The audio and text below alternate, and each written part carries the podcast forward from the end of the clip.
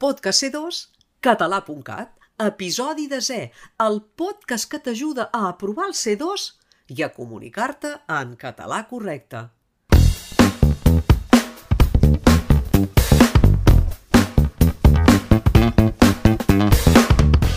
L'episodi anterior et vam proposar un repte, detectar cinc errors fonètics, errors que sovintegen en les nostres converses quotidianes, però que de cap manera pots cometre en l'examen del nivell superior de la llengua, el C2. Els vas detectar? Sí! Perfecte! Estàs fet un crac! Ah, que no els vas detectar. No t'hi amoïnis. Nosaltres t'hi ajudem. Comencem. A l'inici del discurs no n'hi ha cap d'error fonètic. Comencen a aparèixer cap a la meitat. Te'ls anem comentant en ordre. Això no vol pas dir que tracti tothom de vostè o de vos. Els meus alumnes adolescents, per exemple, els tracto de tu. Però, en canvi, però, però no, però, en canvi. Quan m'he d'adreçar a alumnes que han superat aquest període juvenil, no, període juvenil prefereixo tractar-los de vostè.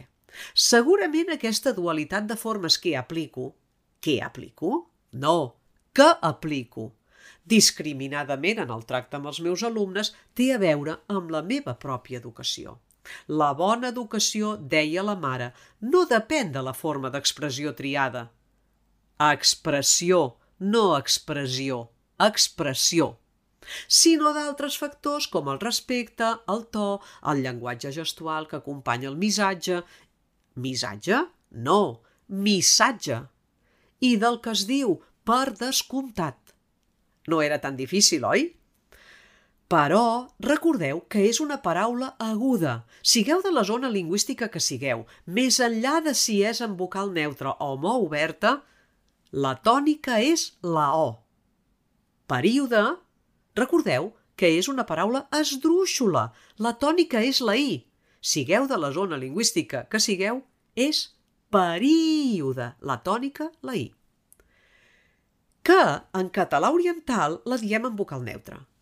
Evidentment, si sou de l'occidental, no direu la vocal neutra, però tot el discurs que faríeu tindria trets del vostre dialecte, no només algun què, que esporàdic expressió i missatge, sigueu d'on sigueu, ho heu de dir amb essa sorda.